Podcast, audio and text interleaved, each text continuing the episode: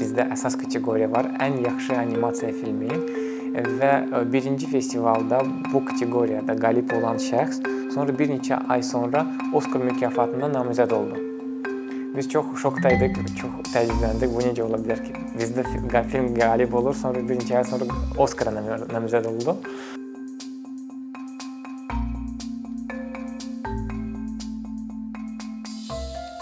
Animasiya festivalları niyə görə vacibdir, önəmlidir? Çünki ilk öncə animasiya e, kinosunun inkişafına e, təkan verirlər.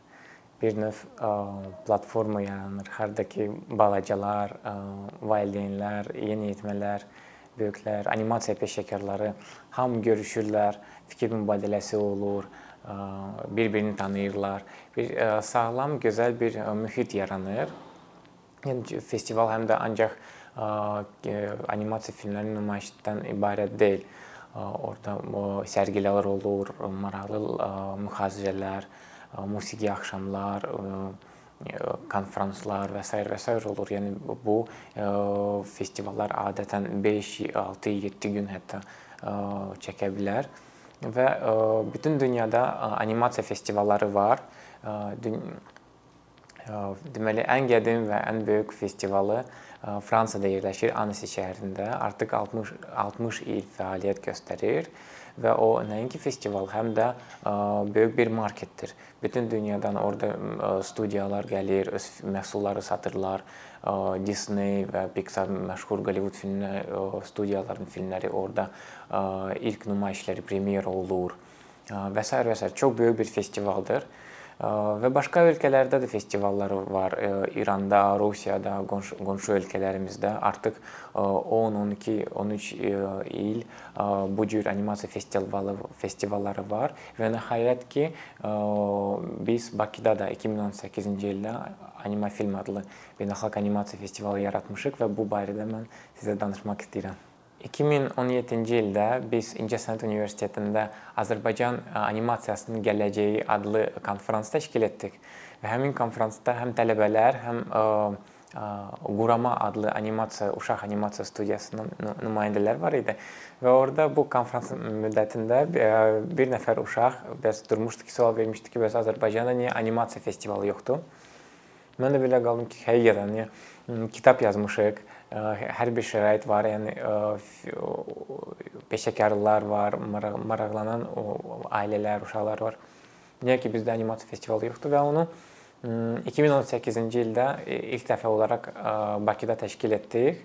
Festival 3 gün davam etdi və həm filmlərin nümayişi, Azərbaycan animasiyası haqqında böyük sərgi, konfranslar, maraqlı mühazirələr Çox super keçdi birinci festivalımız. Deməli festivalımızın bir neçə məqsədləri var. İlk öncə Azərbaycan milli animasiyasının inkişafı, Ondan sonra bu çox vacib məqamdır. Harda ki, həm yerli, həm xarici peşəkarlar bir birlikdə görüşə bilərlər. Burada fikir mübadiləsi var və istər-istəməz yerli, yerli peşəkarlar gözəl nümunələri görürlər və oradan bəhrələnə bilərlər. Bu ikincidir və üçüncü ümumiyyətlə animasiya kinosunun nümayişi üçün platforma yaratmaq. Çünki Azərbaycanda bildiyiniz, bildiyiniz kimi prokat sistemi hələ ki tam kino prokatı tam qaydasında deyil. Yəni xüsusilə yerli filmlər üçün demək olar ki, bu nizamlanmayıb, yəni kino prokatı.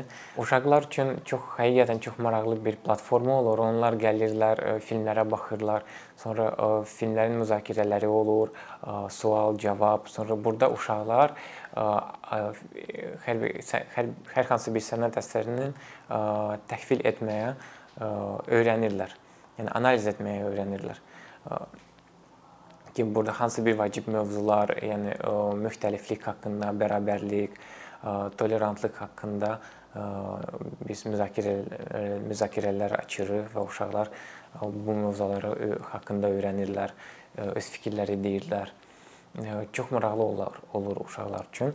Ona onunla yanaşı əvvəl dediyim kimi Azərbaycanda animasiya üzrə təhsil çox zəifdir. Ali təhsil indiyə kimi yoxdur və festivalımız bir növ bu boşluğu doldurmaq istəyir. Ona görə festival çərçivəsində biz animafilm məktəbi yaratmışıq və hər il festival çərçivəsində bu məktəbdə bir sıra workshoplar, ustad dərsləri keçiririk həm uşaqlar üçün Yəni hər hansı bir primitiv bəsit animasiya yaratmaq üçün müxtəlif texnikalarda qurama və yaxud kukla, stop motion texnikasında yaratmaq film yarada bilirlər. Həm də peşəkarlar üçün peşəkar təhsil təhsil usta workshop vasitələrindən vermək istəyirik bir növ bu təhsil təhsil boşluğu doldurmaq çalışırıq. Sonra bu anima film məktəbi layihəsi bir, bir biraz da artdı və biz artıq ancaq festival ərzində yox, il boyu bizim məktəbimiz fəaliyyət göstərir, kurslar olur, animasiya ustad dərsləri və kursları olur. Deməli festivalımız festivalımız beynəlxalq xarakter daşıyır. Yəni o, o, o deməkdir ki, bütün dünyadan, deməli hardasa 50 ölkədən hər il bizə 400-ə yaxın film və ssenari müsabiqə, müsabiqə proqramına daxil olur. Müraciət edirlər. Sonra bizdə seçim komissiyası formalaşır, hansı ki bu bütün 400 filmə baxırlar, izləyirlər və müsabiqə proqramı üçün hardasa 100-200 sənət əsəri biz seçirik. Həm filmləri, həm ssenariləri. Sonra isə beynəlxalq münsiflər heyəti formalaşır o da olur müxtəlif ölkələrdən animasiya peşəkarları və bu insanlar artıq bütün filmlərə baxırlar, ssenariləri oxuyurlar və 13 kateqoriya üzrə qaliblər qalibləri seçirlər.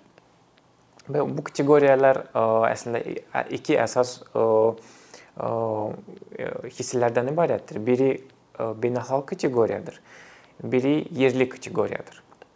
Beynəlxalq kateqoriyada məsəl üçün var ən yaxşı anima qısa metrajlı animasiya filmi, ən yaxşı tam metrajlı animasiya filmi, uşaqlar üçün ən yaxşı animasiya filmi. Sonra uşaqlar tərəfindən çəkilmiş animasiya filmi var, çünki uşaqlar özləri də çəkə bilirlər. Sonra ən yaxşı musiqili animasiya klipi, ən yaxşı televiziya və və ya internet serialı və s. və s. Bu cür kateqoriyalar var. Hər kateqoriya üzrə hardasa o 8-10 dənə film iştirak edir. Sonra yerli kateqoriyada var ən yaxşı Azərbaycan animasiya filmi, ən yaxşı tələbə Azərbaycan animasiya filmi, ən yaxşı ə, e, ssenari və uşaq animasiya filmi üçün ən yaxşı ssenari. Yəni bu kateqoriya üzrə yəni insanlar yarışa bilərlər, ə, e, öz filmləri və öz ssenarilərlə e, yarışa bilərlər bu kateqoriya üzrə. Ondan sonra münsiflər qalibləri seçirlər və qaliblərə mükafatlar verilir. Mükafatlar haqqında danışmaq istəyirəm. Deməli, bizdə hər il hər kateqoriya üzrə mükafatlar var və xüsusilə yerli kateqoriyalar üçün bizdə çox super mükafatlar var.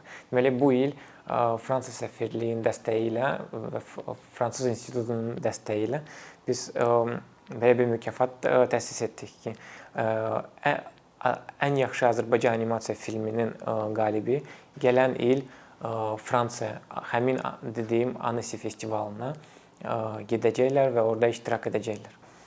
Sonra mükafatlarından biri odur ki, deməli Qızıl Qayıq Azərbaycan animasiyasına verdiyi töhfəyə görə Qızıl Qayıq mükafatıdır. Bu mükafat bizim tanınmış və ağsaqqal animasiya rejissorlara verilir. Hansı ki, milli animasiyaya böyük töhfələr verdi. Böyük işləri var.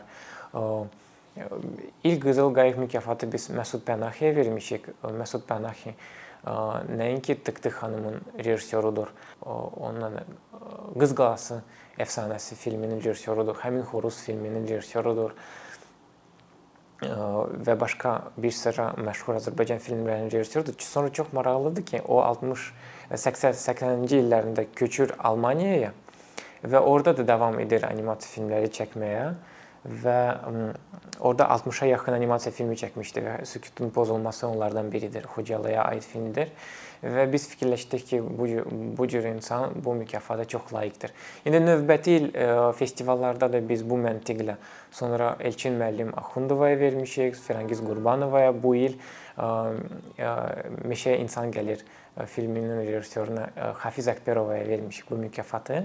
Biz bu bir növ həm Azərbaycan animasiyasının təbliğatıdır beynəlxalq səviyyəsində, həm də bu onların zəhmətini, zəhmətini dəyərləndirmək istəyimizdir.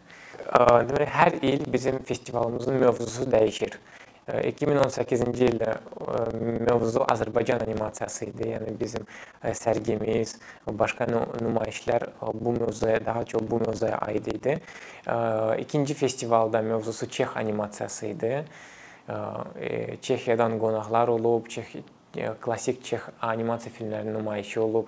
Bu il isə biz müstəsna olaraq hər hansı bir ölkə seçmədik. Biz mövzu olaraq Azərbaycanın uşaqları mövzusu eləmişik. Çünki bu çətin dövründə fikirləşdik ki, müharibə dövründə uşaqlara diqqət və qayğı göstərmək, onlarla işləmək, onlara maraqlı bir fərqli müharibədən müharibədən başqa fərqli bir kontent vermək çox vacibdir, çox önəmlidir. Və biz ona görə 30 uşaqlardan ibarət münsiflər heyəti təsis etdik ki, yəni bu uşaqlar müraciət edirdilər, motivasiya məktubları yazırdılar ki, bu münsiflər heyətində iştirak eləsinlər.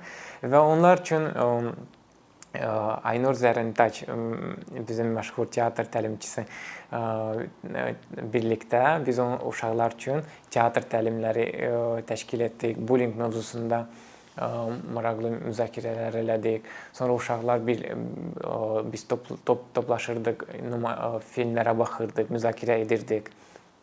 Bu hamısı uşaqlar üçün ə, məncə ə, məncə gözəl bir gözəl bir proqram oldu və və bu bu ilki festival çox fərqli oldu. Yəni o bir o birisi festivallardan çünki təsəvvür edin, ə, oktyabr ayında müharibə şəraitində ölkəmiz ölkəmizin bu ə, yeganə canlı mədəni tədbir oldu və çox çox asan deyildi, amma çox bir, bir neçə gözəl sponsorların dəstəyi ilə biz bu festivalı reallaşdıra bildik. Həm filmlərin nümayişləri, açılış və bağlanış mərasimləri, kukla stop motion animasiyası üzrə 2 2 günlük intensiv workshopları, məşhur Çexiya rejissoru Dariya Kaşeyeva adlı rejissor var. Onun iştirakı ilə o bu cür workshop təşkil etdik və o düşünürəm ki, məhz bu dövründə bu bu cür festivallara böyük ehtiyacı var düşünürəm. Ondan sizə istəyirəm ki, maraqlı bir fakt danışım. O və o odur ki, hər il deməli bizdə əsas kateqoriya var. Ən yaxşı animasiya filmi və birinci festivalda bu kateqoriyada qalib olan şəxs sonra bir neçə ay sonra Oskar mükafatına namizəd oldu. Biz çox şokda idik, çox təəccübləndik. Bu necə ola bilər ki, bizdə film qalib olur, sonra bir neçə ay sonra Oskara namizəd oldu. Bu o deməkdir ki, bizim münsiflər heyətimiz yaxşı işləyir, yəni təcrübəli peşəkarlardır. Yəni düzdür bu istər-istəməz sənət əsərini seçmək həmişə subyektiv bir mövqeyidir, amma yenə də onun bəzi obyektiv cəhətləri var, bədii bədii tərəfləri var ki, hansı ki peşəkar görə bilir və dəyərləndirə bilir. Və ikinci festivalda da eyni situasiya yaşadıq. O həmin Dariya Kaşeyevanın Qız adlı filmi bizdə qalib oldu. Sonra bir neçə ay sonra nəinki Oskara namizəd oldu, hətta tələbə Oskar nominasiyasında udmuşdur. Anisi də udmuşdur, başqa məşhur festivallarda udmuşdur. Belə maraqlı təsadüflər yaşamışıq. Bu ilki qaliblərimiz də çox yaxşıdır. Biz biz biz bizə həmişə maraqlıdır indi qaliblərimiz indi bizdən sonra harda iştirak edəcəklər, hansı uğur qazanacaqlar. İndi çünki bizdə yer, yerli qaliblərimiz də var. O onlar da gələn il Anisiyaya gedəcəklər. Başqa peşəkarlarla görüşəcəklər. Bu istər-istəməz öz töhfəsini verəcək milli animasiya üçün. Və və kim ki bizim festivalımızda iştirak etmək istəyir, olsun animasiya filmi çəkdi və ya qısa bir ssenari yazdı, bizdə iştirak edə bilər, il boyu bizə müraciət edə bilər. Bizim animafilm.az sayt vasitəsilə orada abunə də edə bilər və bütün xəbərləri biz sizə göndərəcəyik. Festivalda ancaq iştirakçı kimi yox, həm tamaşaçı kimi iştirak edə bilərsiniz. Festivalımız adətən oktyabr ayında keçirilir və gəl gələn il biz sizi gözləyəcəyik festival 4-cü festivalımızda.